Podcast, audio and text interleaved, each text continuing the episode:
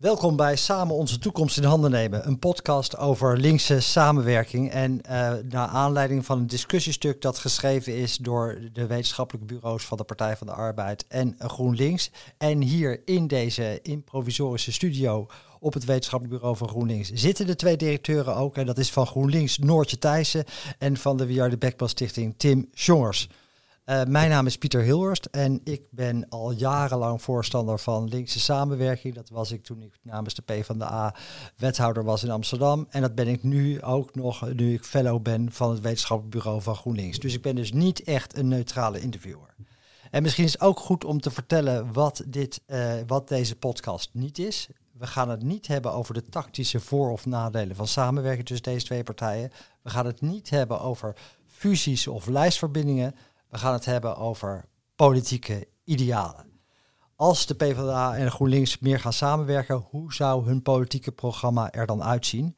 Wat zijn de politieke speerpunten van deze samenwerking? En welke waarden vormen eigenlijk het kompas voor deze politieke beweging? En om met dat laatste te beginnen. En ik ga het eerst moeilijk maken en daarna steeds makkelijker. Ehm, Tim, als je één waarde zou moeten noemen, waarvan je zegt dat dat bepaalt ons kompas, welke waarde zou je noemen?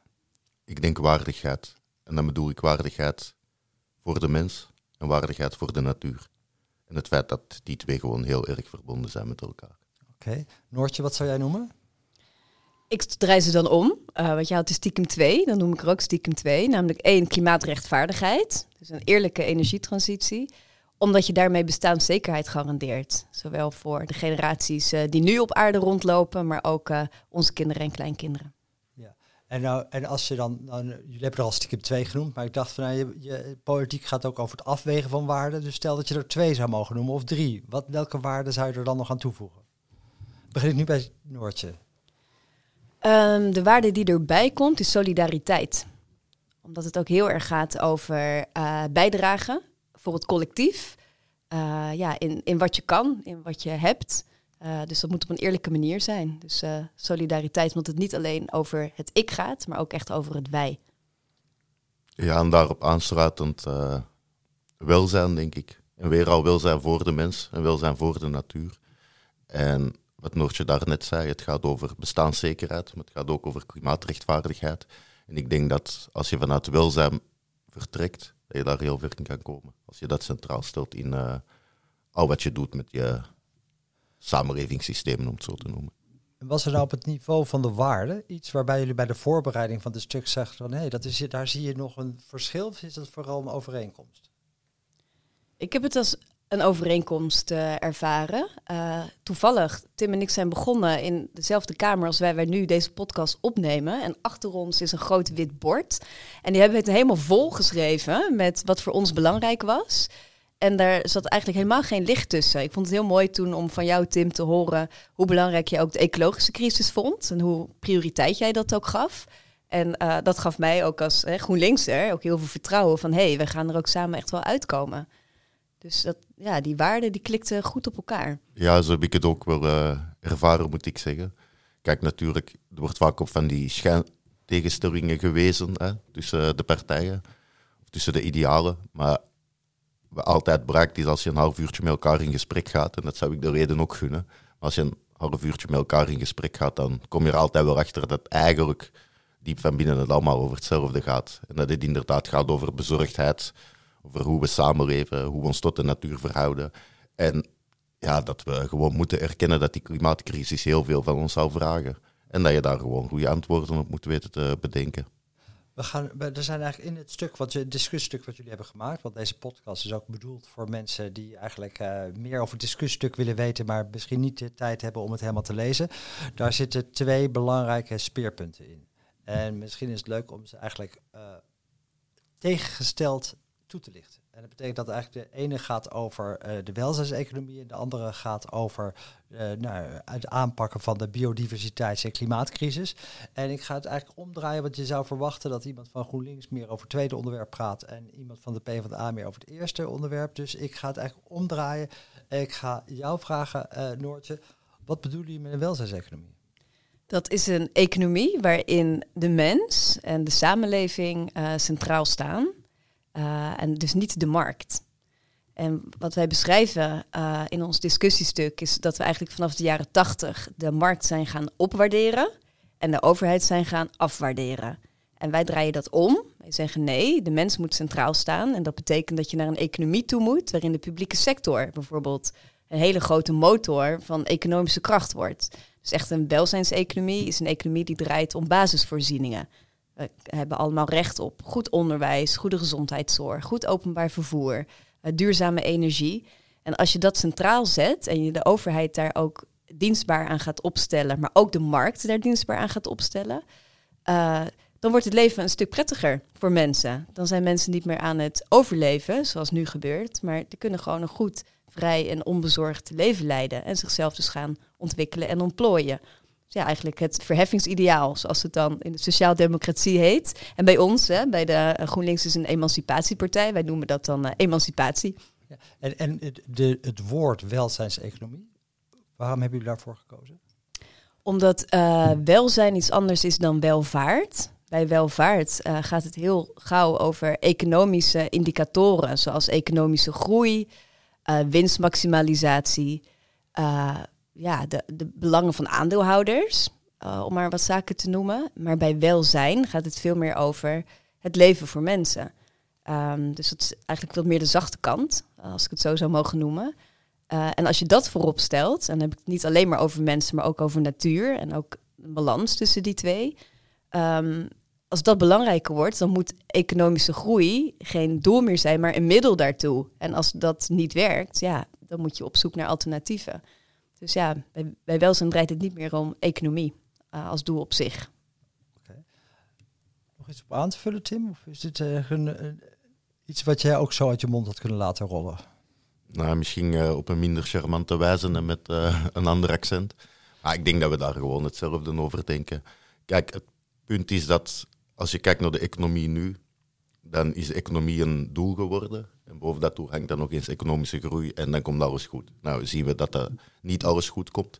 Uh, de aarde is aan het opwarmen, maar de samenleving is ook aan het opwarmen. De, de, de, potjes koken snel over, mensen komen niet verweer, vertrouwen de overheid niet meer.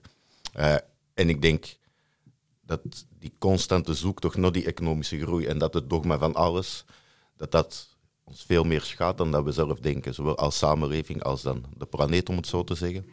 En bij een welzijnseconomie zou eigenlijk dat welzijn het doel moeten zijn. En dan moet je de economie en economische groei als middel gaan zien.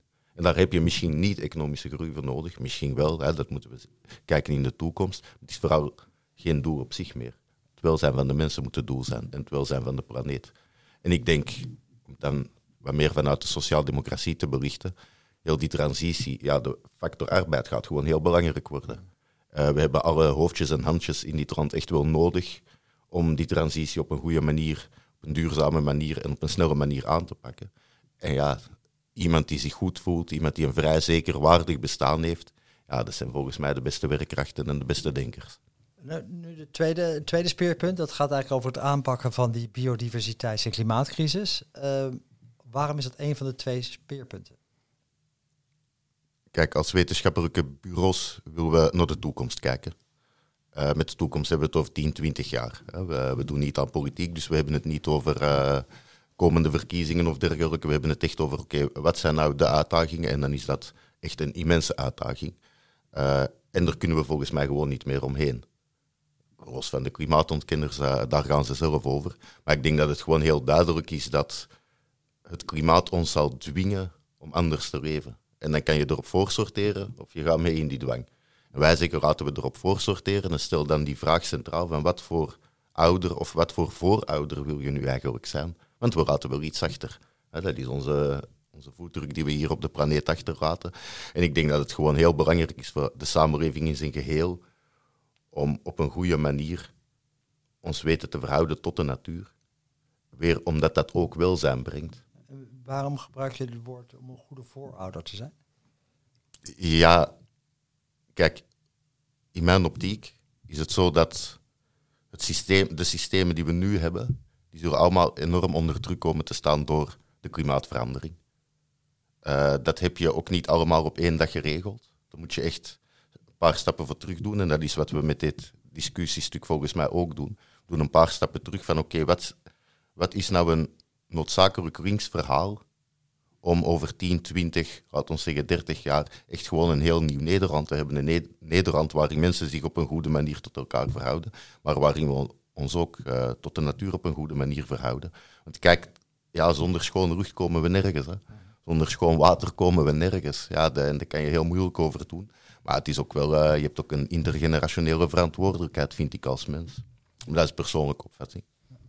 Uh, andersom, net mocht Tim aanvullen op, op jou. Als jij nu aan wil vullen op Tim, wat zou je dan zeggen? Ja, ik zou willen beginnen met gewoon puur de feitelijke constatering dat de hulpbronnen die de aarde ons biedt, die zijn eindig. Maar ons economische systeem, zoals we dat nu hebben ingericht, die gaat uit van oneindige economische groei. Het moet altijd maar weer meer, meer, meer, meer worden. En dat verhoudt zich niet tot elkaar. Uh, en dat, daar zie je nu al, het gaat heel erg over de toekomst, maar ook over het hier en nu. Je ziet dat de aarde gewoon wordt uitgeput. Ik heb het gewoon over uh, metalen uit de grond nou ja, die zijn schaars. Maar we hebben allemaal, uh, nou ja, zitten in de wegwerp-economie. Iedere twee jaar heb je weer een nieuwe telefoon nodig met een nieuwe batterij. Ze worden ook expres zo ontwikkeld door sommige producenten. Uh, en dat idee uh, van dat de aarde en de hulpbronnen dus eindig zijn als je maar dat blijft uitputten, daar rekenen wij mee af. Um, en dat geldt ook voor de mens. Ook in dat economische systeem worden mensen nu op dit moment vaak gezien als uh, een human resource. Ik bedoel, HR-beleid, human resources, het zijn hulpmiddelen om die economische groei voor elkaar te krijgen. En wij zeggen ook nee, je moet dus ook de mens centraal stellen. Um, en dus ook stoppen met de uitknijping van mensen. Dus als je dat als uitgangspunt neemt, dan kom je gewoon in een andere wereld terecht. Een, een fijnere wereld die rekening houdt met, ja, zoals we dat noemen, hè, de, de planetaire grenzen die er zijn. Um, en uh, nou ja, daardoor heb je een fijnere aarde om te leven, schonere lucht. Um, nou ja, ook voor mensen die naast fabrieken wonen, hè, uh, op dit moment, uh, nou ja, ook in Nederland, die kunnen er ziek van worden. Ja, daar moet je dus ook mee stoppen. En ik wil er nog een, uh, iets aan toevoegen, namelijk klimaatrechtvaardigheid. Kijk, hoe je dat dan anders moet doen, dat moet ook op een eerlijke manier. Want wij vinden ook dat in die energietransitie, in die ecologische transitie, dat vraagt wel veel van mensen. Want dat betekent dus een andere manier van leven. Uh, en dat moet wel een transitie zijn die, waar iedereen in mee kan komen. En daar zit nu wel een zorg. Als we kijken hoe, hoe dat nu gaat. Hè? Uh, mensen met veel geld, die hebben de mogelijkheid om een huis te isoleren. Om um, zonnepanelen op de daken te leggen. Om in een Tesla te rijden. En ook nu met de energiecrisis zie je dat juist in de arme wijken, uh, waar de slecht geïsoleerde huizen staan, eh, waar mensen ook geen vermogen hebben om te investeren um, in, ja, in zaken. Die moeten het doen met radiatorfolie en dikke truien. Ja, dat is natuurlijk oneerlijk. Dus wij zeggen nee, uh, iedereen draagt gewoon bij naar vermogen. en ook degenen die vaak veel vermogen hebben, dat zijn bedrijven en ook de superrijken, die vervuilen nu ook heel veel. De superrijken zijn degenen in de privéjets, um, ook in de, nou ja, de, luxe vakanties. Wij vinden ook, daar moet dus ook een eerlijke prijs tegenover staan. Laat iedereen ook bijdragen uh, naar wat kan, maar ook naar, ja, naar, naar de oorzaak. In zo'n discussiestuk, daar worden, daar worden de woorden altijd heel erg gewogen. Uh, waarschijnlijk zijn jullie een tijd lang bezig geweest van gebruik je het ene woord of gebruik je het andere woord. Dat betekent ook dat de keuze voor bepaalde woorden, dat dat, dat, dat betekenisvol is. En nou hebben jullie dus niet over de klimaatcrisis, maar jullie zeggen het is een klimaat- en biodiversiteitscrisis. Waarom is dat breder, Tim? Waarom hebben jullie dat breder genomen dan alleen maar het klimaat? Nou, ik denk als je alleen naar het klimaat kijkt, dan gaat het over opwarming, wel of niet. Maar wat we zien is dat er ook gewoon soorten verdwijnen op deze planeet. En dat gaat in best snel tempo. Uh, wat we zien is dat, uh, dat ook de natuur gewoon echt heel veel schade uh, ondervindt, moet ik zeggen. en als je kijkt naar het klimaat, dan, dan heb je altijd het idee, ja, we kunnen het klimaat redden en dan komt alles goed. Maar uiteindelijk gaat het ook over onszelf en andere soorten op deze aarde. En niet redden, maar respecteren. Want het is wel onze natuurlijke habitat. En ik denk dat het wel heel belangrijk is om, als we het hebben over die transitie, om vooral heel veel uh, vaart te maken. Maar dat we dat wel doen met respect voor de natuur. En wat, wat ik bijvoorbeeld heel erg noodzakelijk vind, is als we kijken naar onze ruimtelijke ordening Noortje, toch ook nog even die vraag aan jou. Er wordt niet voor niets wordt het verbreed van klimaat naar ook een biodiversiteitscrisis. Waarom? Omdat we zien dat het niet alleen een CO2-probleem is, uh, maar ook zien dat er andere zaken op het spel zijn die in de natuur uh, spelen. Nou ja, Tim had het al over soorten die uitsterven. Uh, maar ik had het net in het begin ook al over de schaarste aan metalen bijvoorbeeld. Dus je hebt wel echt een brede aanpak nodig als je dus al die grenzen die de aarde in zich heeft wil respecteren. Um, dus Want wat gaat er mis als je alleen naar CO2 kijkt of als je alleen kijkt naar stikstof? Nou, dan, dan blijf je bijvoorbeeld maar uh, spullen produceren met schaarse metalen en dan gaan die metalen ook op. Uh, en die zijn oneindig. Die zijn eindig bedoel ik, die zijn niet oneindig. Dus dan heb je een probleem. Uh, en daarom spreken wij ook van een circulaire economie in ons stuk, waarin we ook zeggen: nee, alles moet ook in kringloop blijven. En je moet gaan recyclen en je moet zuinig omgaan met die schaarse middelen die er zijn. Um, dus ja, het is niet alleen een CO2-probleem, maar het zit hem dus ook echt in de hulpbronnen die de aarde heeft. Bij zo'n stuk over politieke idealen spreek je logischerwijs in zekere abstracties. En ik ga proberen om het zo concreet mogelijk te maken. Dus ik wil jullie vragen om uh, iemand in je gedachten te nemen waarvan je denkt van nou, voor diegene in dienstleven zou het nou een enorm verschil maken als de idealen die in dit stuk staan werkelijkheid worden. Dus probeer eigenlijk uh, een, beeld te geven van uh, het leven, een dag uit het leven van die en die na de linkse overwinning. Nou, ik moet spontaan aan mijn buurvrouw denken. Uh, is een dame van rond de 60, ze is chronisch ziek. Sinds ze chronisch ziek is, is ook chronisch arm. Want, zo hebben we dat op, geregeld in Nederland tegenwoordig. zij zit echt krem in het systeem langs alle kanten.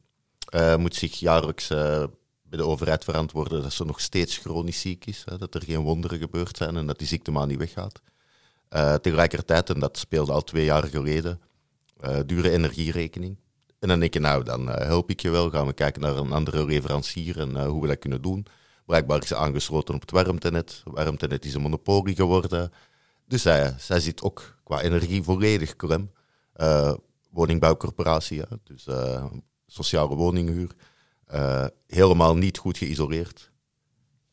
En er gebeurt helemaal niks. Dus zij zit zowel net op die twee zaken, zit zij gewoon volledig klem als persoon. Excuseer. En er is dus niemand die het probleem integraal bekijkt. Die zegt, hoe kunnen we hier nou die dame op een goede manier helpen, zowel met haar energie als met haar bestaanszekerheid. En ik denk dat dat ook net is wat we zeggen met het stuk, die twee zijn inherent verweven.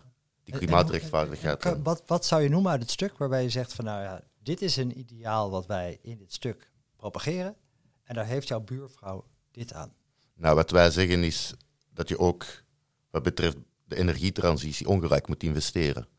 dat, uh, ik, ik vind sowieso dat je dat achterstandswijk, daar moet je ongelijk investeren in de kansen die, omdat mensen kansengelijkheid moeten bekomen, denk ik. Maar ook in die energietransities, die ongelijke investering volgens ons nodig. Daar waar men het zelf niet kan, heb je eigenlijk een overheid nodig die de regie neemt. Een overheid die echt helpt om de burgers daar desnoods uh, zelf via corporaties of noem maar op in te ondersteunen. Maar het kan niet zo zijn dat zij aan een rot overgelaten wordt en dat zij moet, moeten wachten tot er, uh, tot er iemand als ik haar moet komen helpen en haar uit het moeras moet trekken. En, en wat betekent ongelijk investeren voor die buurvrouw? Nou, ik denk uh, dat dat in deze zin het monopolie breken betekent. Eh, want het is warmtenet, dat is een monopolie. Dus daar zou je kunnen zeggen, ja, maar dat is een, eigenlijk is dat een basisbehoefte energie. En dat gaat een behoefte zijn die, waar we heel erg mee in de knel gaan komen hè, de komende jaren. En dan zou je kunnen zeggen, ja, moet de overheid daar niet in zo'n vitale sector, moet de overheid daar niet veel steviger op ingrijpen, het misschien zelf naar zich toe trekken. Uh, dat kan ook via aandeelhouderschap, weet ik veel. Maar ja, de overheid moet daar wel iets in doen, volgens mij.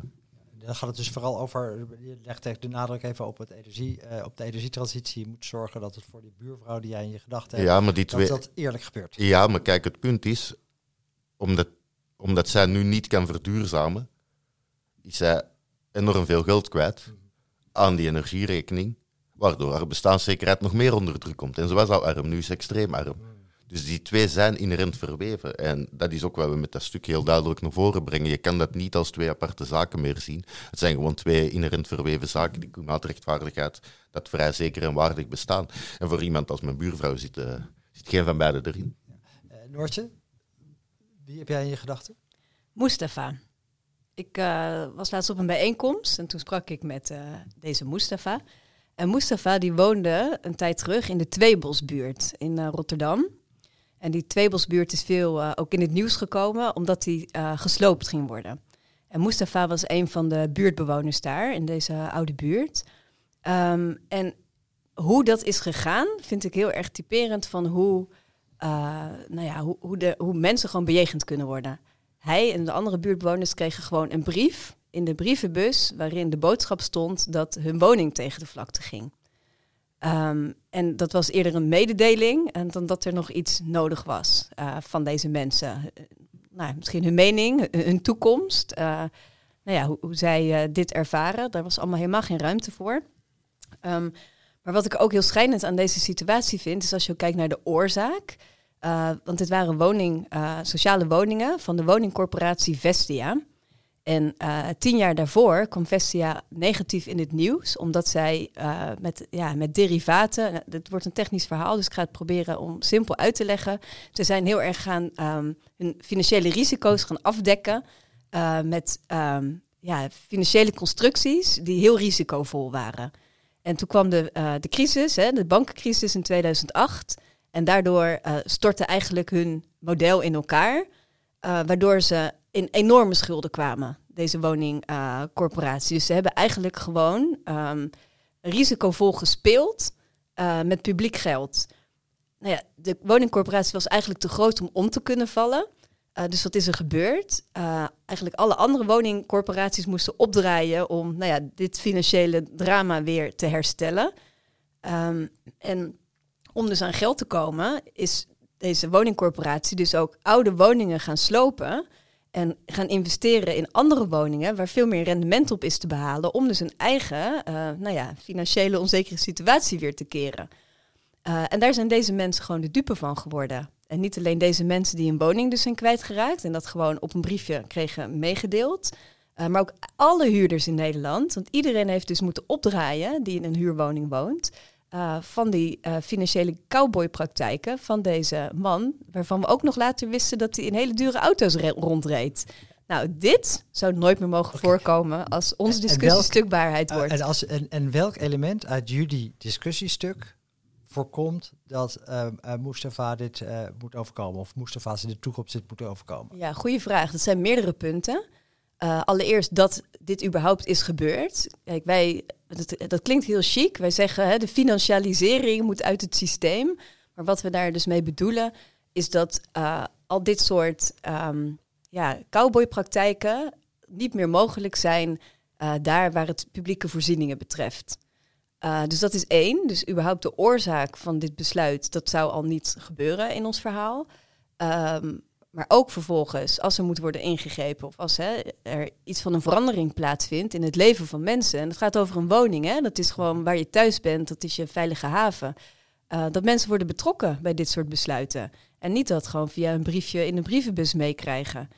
Uh, vervolgens zijn er ook allemaal rechtszaken gekomen. Uh, nou ja, de kant van de woningcorporatie die had heel veel geld om uh, allemaal dure advocaten in te huren. Deze mensen niet. En deze Mustafa heeft zich heel erg vastgebeten in hoe dit allemaal werkt. Hij werd een van de bekendste actievoerders hier.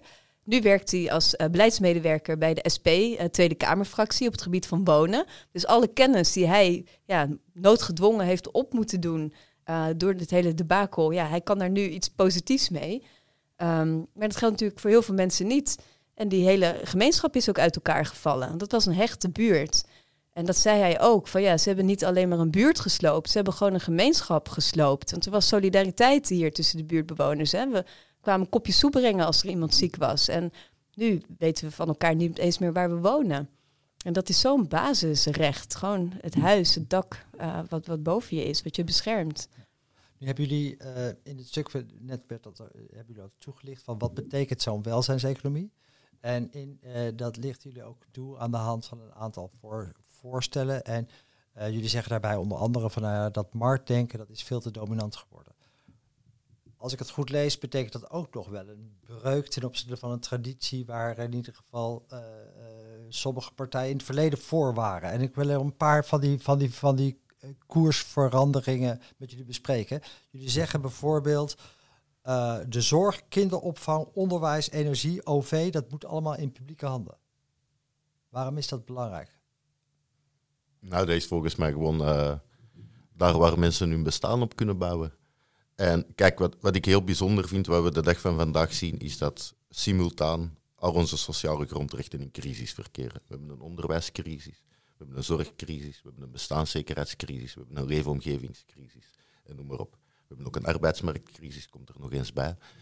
En dat zijn sociale grondrechten. Dat woord sociaal zit erin. Simpelweg omdat dat is wat onze samenleving bij elkaar houdt, waar mensen hun bestaan op kunnen bouwen. En in principe zou je denken, de solidariteit moet door die instituties lopen. Het is solidair dat men in Groningen echt geen uh, twee bussen per dag heeft, maar dat men daar gewoon een bus kan pakken. Begrijp. Maar nou, toch nog even, wat, wat bedoelen jullie precies, misschien moet ik het anders vragen, wat bedoelen jullie precies met in publieke handen? Want de zorg in publieke handen, betekent dat dat, uh, uh, dat zorgverzekeraars worden afgeschaft? Nou, ik denk dat dat te veel gericht is op de hoe. En wij willen vooral de waarom in het stuk benoemen en wat. En dat is dan die publieke handen. En daar zijn verschillende manieren in denkbaar. Je zou kunnen zeggen, oké, we, nemen het volledig in publieke handen, het wordt staatseigendom. Je zou ook kunnen denken, nou, het wordt staatsdeelname via aandelen. Maar ook zeer zeker gewoon mensen veel meer inspraak geven. En de burger gewoon veel meer inspraak geven. Of aanvullend daarop veel meer ruimte geven aan een coöperatieve sector en die echt mee ondersteunen. Maar dit is wel een belangrijk punt, omdat jullie zeggen dat is te veel het hoe. Waarom wilden jullie het hoe niet bespreken? Omdat je dat, dat eigenlijk dit stuk niet aan de orde stellen. Waarom?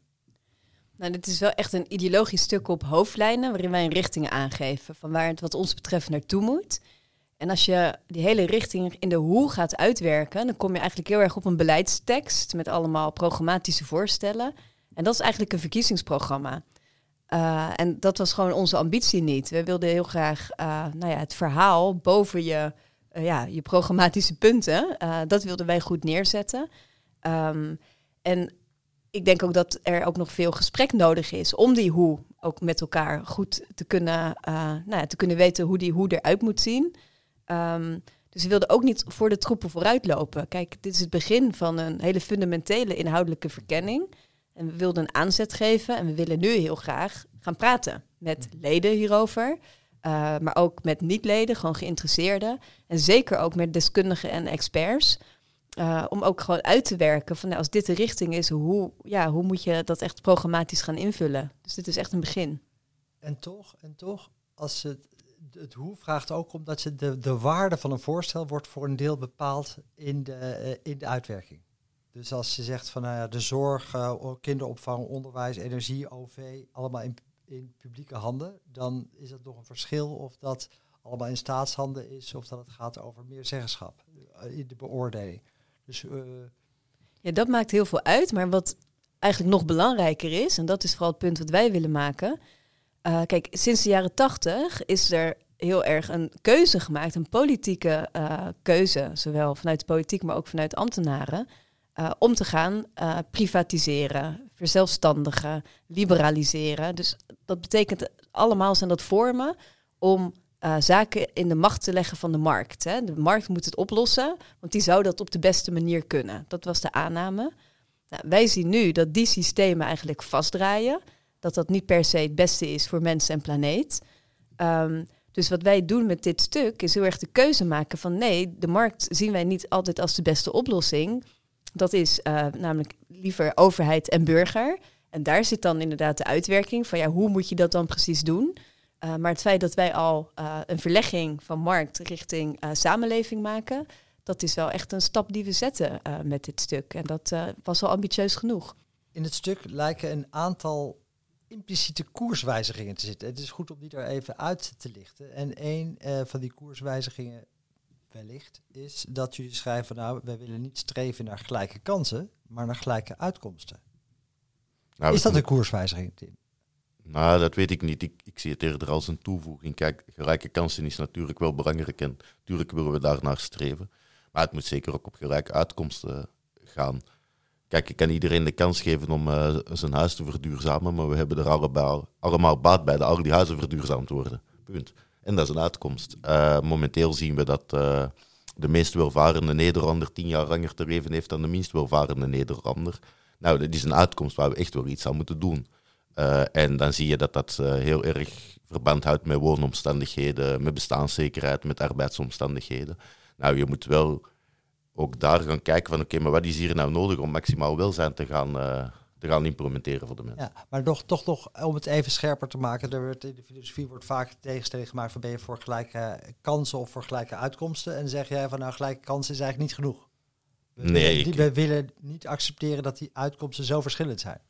Ja, kijk, mijn idee is echt dat dit kan niet goed blijven gaan dit kan gewoon niet goed blijven gaan. Hè. Ik bedoel, uh, 30% van de, bijna de helft van de burgers is de, het vertrouwen in de overheid kwijt.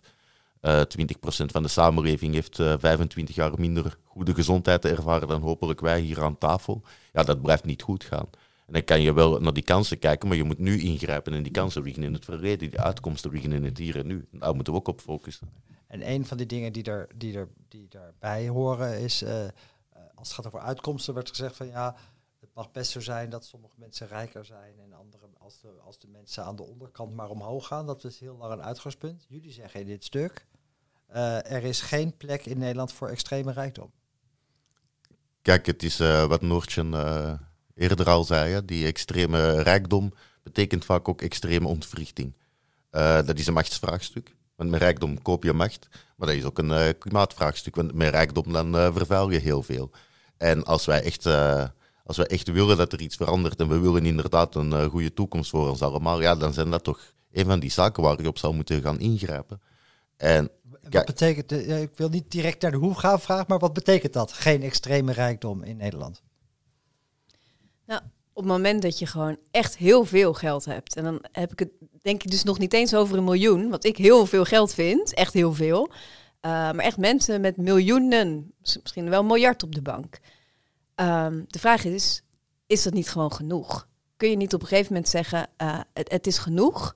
Uh, je hebt er hard voor gewerkt, je mag er ook goed van leven. Hè? Dat, want we gunnen het niemand, hè? of misgunnen het niemand. Uh, maar op een gegeven moment, als je een soort extreme mate van rijkdom hebt bereikt, ja, dan toppen we het af. En dan draag je dat af voor het publiek, voor het collectief, zodat we er allemaal ook van kunnen profiteren.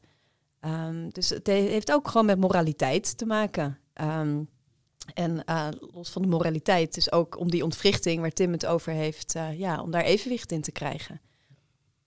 Nog zo'n uh, zo'n koersverandering die in het stuk zit, die ik even uit wil lichten, is dat er wordt gezegd van ja, we kunnen niet blijven streven naar economische groei. Noortje, waarom kiezen jullie dat? Um, omdat economische groei uitgaat van een oneindigheid die dus niet bestaat. Wij zien dat er eindigheid is, zowel in wat je van mensen kan vragen, maar ook wat je van de aarde kan vragen. Um, heel lang hebben we geloofd in groene groei, maar groene groei gaat ook uit van oneindigheid. Uh, en nou, we hadden het al over die schaarse metalen bijvoorbeeld. Als je uitgaat van groene groei, um, ja, ook accu's bijvoorbeeld en zonnepanelen en uh, windturbines. Ja, er zit ook allemaal kostbaar uh, ja, metaal in. Uh, daar moet je ook goed mee omgaan. Dus vandaar ook die circulariteit waar ik het ook al even over had. Um, dus ja, je moet op een gegeven moment ook durven zeggen dat iets genoeg is om die aarde en die mens gezond te houden. Oké. Okay. Jullie hebben in dat stuk, laten jullie idealen zien. Het gaat heel erg over de welzijnseconomie, over, het, uh, over de noodzaak om uh, de biodiversiteits- en klimaatcrisis aan te pakken. Um, en tegelijkertijd zeggen jullie dat vergt een enorme verandering in de samenleving. En daarvoor is het belangrijk dat je mensen meeneemt in die verandering die er zijn. En daarom is democratisering, komt in het stuk, wordt heel duidelijk, uh, heel, krijgt heel veel nadruk. Um, een van de dingen die erin staan is, is dat er wordt gezegd dat betekent dat dat het bedrijfsleven of organisaties zich moeten verantwoorden aan stakeholders en niet alleen aan aandeelhouders. Um, en ik wil niet vragen hoe, maar eerst vragen van waarom is dat zo belangrijk? Kijk, het is die eindigheid waar, uh, waar Noortje het over heeft. En we kunnen toch niet blijven toestaan dat belangen die gewogen worden op de druk die we op mensen zetten en de druk die we op de natuur zetten, dat die belangen enkel op, uh, op basis van economische factoren gewogen worden. Denk aan Tata Steel. En zo kan je, denk momenteel aan uh, heel die stikstofcrisis en noem maar op. Ik, ik denk dat dat gewoon niet meer houdbaar is. En door mensen veel meer inspraak te krijgen, krijg je volgens mij ook gewoon een andere koerswijziging bij zo'n bedrijven. Dat wil niet zeggen dat al die bedrijven weg moeten of zo. Dat, dat zeg ik helemaal niet. Maar als je nu kijkt bij Tata Steel en die vergroening daar, nou, dat heeft echt wel te maken met de arbeiders die daar heel veel druk op zetten. En het kan. En ik denk dat aandeelhouders die staan wat verder weg van de, van de leefomgeving, van de realiteit. Zij zien naar een bankrekening. Maar mensen zien naar hun leefomgeving. Die, zien, die zien naar, uh, naar de arbeidsomstandigheden van de mensen rondom hen heen. En ik denk dat dat gewoon veel beter afgewogen kan worden als mensen zelf uh, inspraak krijgen. Dat, dat uh, impliceert dat als mensen inspraak krijgen, dat ze ook kiezen voor een groene koers. Tegelijkertijd zien we nog dat er, nou, als het bijvoorbeeld gaat over de stikstofcrisis, dat wil nog niet zeggen dat als mensen inspraak krijgen, dat ze ook kiezen voor een goede koers. Dus hoe verhouden die twee dingen zich tot elkaar? Ja, dat is een hele goede vraag. Want uh, aan de ene kant kiezen we echt voor een onderop hè, benadering, die democratisering, die zeggenschap, uh, waar het net over ging. Tegelijkertijd kiezen we ook voor een sturende overheid. Juist op het gebied van de ecologische transities die we moeten maken, heb je ook echt wel een overheid nodig die richting geeft, uh, die dat ook durft te doen en die daar ook vasthoudend in is. Uh, sterker nog, als je dat ook doet, help je het bedrijfsleven ook mee. En kijk, wij uh, willen ons ook niet negatief afzetten tegen bedrijven. Hè? Want bedrijven zijn ook van waarde op het moment dat ze waarde toevoegen. Um, dus wij zeggen ook tegen bedrijfsleven van doe ook mee uh, met de transitie die we maken. En dat zie je ook veel gebeuren. Je hebt steeds meer bedrijven die, uh, nou ja, die zich ook echt groen, um, ja, groen manifesteren en sociaal. Uh, en die waarde toevoegen en niet alleen maar onttrekken. Dus we proberen ook echt iedereen daarin mee te nemen. Maar je hebt dus wel richting nodig, ook van de overheid, ja, die zegt van ja, zo gaan we het doen. Uh, en ook durft te zeggen, nou ja, als je vervuilt of hè, kinderen in je omgeving ziek worden, ja, daar is dus geen plek meer voor. En dan nog iets specifieker maken, uh, Tim. In het begin vroeg ik naar waarde. Toen zei van, nou ja, als ik één woord, één waarde zou moeten noemen, is dat waardigheid. Um, een sturende overheid betekent ook dat hij af en toe een dwingende overheid is. Hoe verhoudt dat ideaal van waardigheid zich tot een dwingende overheid? Nou, als de, als de overheid uh, werkgevers dwingt om fatsoenlijke lonen te betalen, dan uh, dwingt eigenlijk de overheid tot waardigheid. Dus ik denk dat dat perfect mogelijk is. Dus je, je denkt van hey, de overheid is, de, is het hulpmiddel om waardigheid te garanderen? Ja, uiteraard. En ik, ik denk dat dat ook gewoon een kerntaak van de overheid is. He, zo, ik verwees er al eerder naar. We hebben nu eenmaal sociale grondrechten. We zien dat die de laatste 30 jaar, dat heeft ook te maken met die uh, privatiseringsgolf waar Noortje naar verwees, zien we dat die toegang tot die sociale grondrechten verschraald wordt. En mensen die vermogend zijn, ja, die kunnen die, die verschraling compenseren met bijles, met, met weet ik wat, allemaal private zorg bijvoorbeeld. Maar heel veel mensen kunnen dat niet. Nou, daar zou je toch wel willen dat de overheid daar veel meer in stuurt dan uh, nu het geval is. Want nogmaals, ik, ik vrees echt oprecht dat het gewoon niet goed blijft gaan. Hè? Wat ik ook in het begin zei, het is niet alleen het klimaat dat opwarmt, het is ook de samenleving die opwarmt. En dat is toch het gevolg van een overheid die zich redelijk heeft teruggetrokken, die zich redelijk heeft, uitgehold, die heel erg in netwerken is gaan uh, geloven en alle netwerken lossen het op. En wat je krijgt op een bepaald, op, op een bepaald moment krijg je een probleem en dan is de reactie, ja, ja iedereen is verantwoordelijk, dus niemand gaat daarover. Ja, dat schiet niet op natuurlijk. En dat is wat ik bedoel met een sturende overheid. Nou is het een uh, mooie idealen worden er neergezet. En ik kan me al uh, voorstellen dat er mensen zijn die zeggen... Uh, ja, dat is een links wensenlijstje. Waar gaan we dat allemaal van betalen? Noortje. Nou, tweeledig. Allereerst, het levert ook heel veel op. En dat schrijven wij ook op in ons discussiestuk. Um, nu is het zo dat publieke investeringen vaak worden gezien als collectieve lasten. En wij zeggen nee, dat zijn ook gewoon opbrengsten. Als je investeert in goed onderwijs, als je investeert in goede gezondheidszorg en mensen langer hè, gezond kunnen blijven leven, dan die gezondheidskloof die Tom of Tim net zo mooi beschreef, uh, ja, dan levert dat gewoon heel veel op. Dus sowieso is het ook een andere uh, kijk, een andere bril die wij opzetten. En herverdeling. Uh, wat wij ook voorstellen, en dat is niet nieuw, is gewoon een radicale herverdelingsagenda die veel eerlijker uitpakt. Dus nou ja, ja, we, we noemen het niet zo, hè? de sterkste schouders dragen de zwaarste lasten. Uh, maar het zit er natuurlijk wel in. Ja, want je spreekt over, wat, hoe, hoe ziet die herverdeling eruit? Daar waar het vermogen ligt, ja, daar wordt de grootste bijdrage verwacht. En um, dat betekent ook dat minimumlonen bijvoorbeeld ook omhoog kunnen gaan. Dus het wordt gewoon gelijker getrokken dan die grote sociale ongelijkheid die er nu is. Dit discussiestuk ligt er nu. Uh, mensen kunnen dat lezen, dat wordt besproken. Misschien kunnen jullie iets vertellen over hoe het tot stand gekomen is en iets over hoe dit nu verder een vervolg krijgt. Tim, hoe is het tot stand gekomen?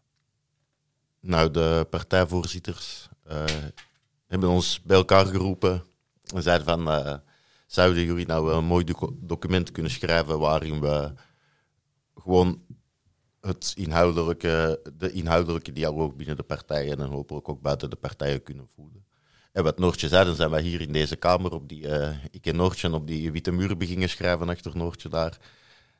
En daar zijn heel veel ideeën uitgekomen. En zijn we als WB's met al onze collega's gaan samenzitten.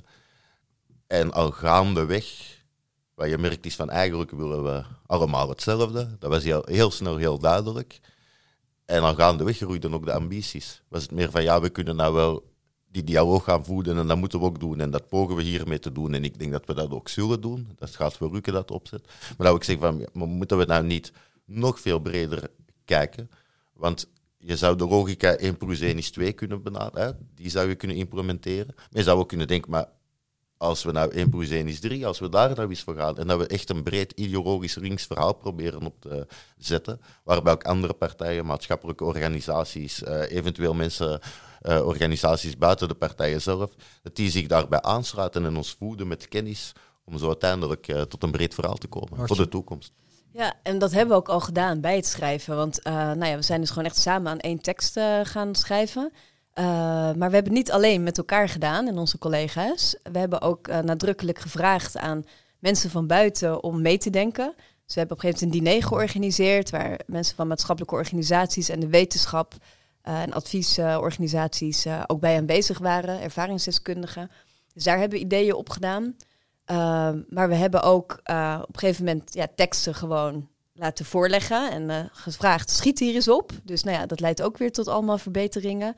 En, maar dat zegt door de ontstaat nu de stap naar hoe het verder gaat. Ja, maar nog één dingetje, en dat vind ik leuk om te vertellen, ook omdat er veel leden zullen luisteren. Want we hebben ook op een gegeven moment een groep uh, van GroenLinks-leden en PvdA-leden samen in één uh, zaal gezet om ook het gesprek hierover te voeren. Um, dus we hebben ook wel echt, nou ja, het, het leden uh, ja, ja, power en, zeg maar opgehaald. Ja, mag ik daar kort op ingaan, want dat vind ik echt wel heel leuk. Want we, we gaan ja door naar de toekomst. Ja, maar wat, wat je dus, en dat vond ik heel leuk, en dat maakt het komende congres ook zo bijzonder, denk ik. Maar wat je dus in die zaal zag, net hetzelfde. Na een half uur komt iedereen erachter dat iedereen hetzelfde wil. Mm. En dat, dat smaakt gewoon naar meer. Heel goed. Dat meer wil ik het nu over hebben. Wat is het vervolg? Nou, op 4 uh, eh, februari presenteren we dit ook aan de leden tijdens onze congressen. Uh, dus dan willen we erover in gesprek. Um, en dan dat is eigenlijk de start van een vervolg. En aan de ene kant gaan ja, de, de partijvoorzitters een traject voor de leden organiseren, zodat er ook allemaal debatten gaan plaatsvinden. Uh, nou, er wordt, als het goed is, ook verslaglegging van gedaan. Uh, en ook wij vanuit wetenschappelijke bureaus uh, gaan ook zelf weer door. dus ook weer het gesprek aan met, met mensen van de maatschappelijke organisaties en de ervaringsdeskundigen, noem maar op. En ja, in de zomer moet er een soort tussenstand komen. En dan later dit jaar komt er een sluitstuk waarin al deze ja, smaken, geluiden een, een, plek zullen krijgen. Eind van het jaar komt er een, nou, een definitiever stuk. Het is nooit helemaal definitief, maar een definitiever stuk. Um, hoe weet je dat dat gedragen wordt? Is dat iets wat, waar, leden waar leden over moeten stemmen? Of kunnen ze daar, daar, daar abonnementen op, eh, op, eh, op, op aanbrengen. Hoe gaat dat? Hoe zie je dat voor je? Wat dat straatstuk betreft is dat een politiek proces en is dat aan de partijen zelf, aan de verenigingen en aan de voorzitters. Uh, het is onze opdracht, denk ik, en dat zijn we ook aan onszelf verplicht om ervoor te zorgen dat in heel het proces die gedragenheid al tot, tot, uh, tot stand komt.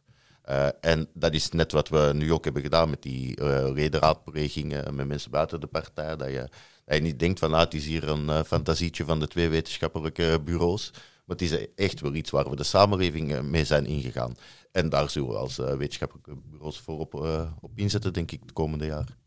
Wat het in ieder geval uh, niet wordt, is een gezamenlijk beginselprogramma of een gezamenlijk verkiezingsprogramma waarvan we nu al weten, daar moet één congres dan over gaan stemmen. Uh, dat, uh, dat, dat is nog allemaal helemaal niet duidelijk. Dus ik denk wel dat het goed is om ook even te benadrukken wat we al weten wat het niet gaat worden. Oké, daarmee komen we tot het einde van deze podcast. Deze speciale podcast die we als titel hebben gegeven. De titel ook van het discussiestuk. Samen onze toekomst in handen nemen. Noortje Thijssen en Tim Jongers, heel erg hartelijk bedankt. U ook bedankt.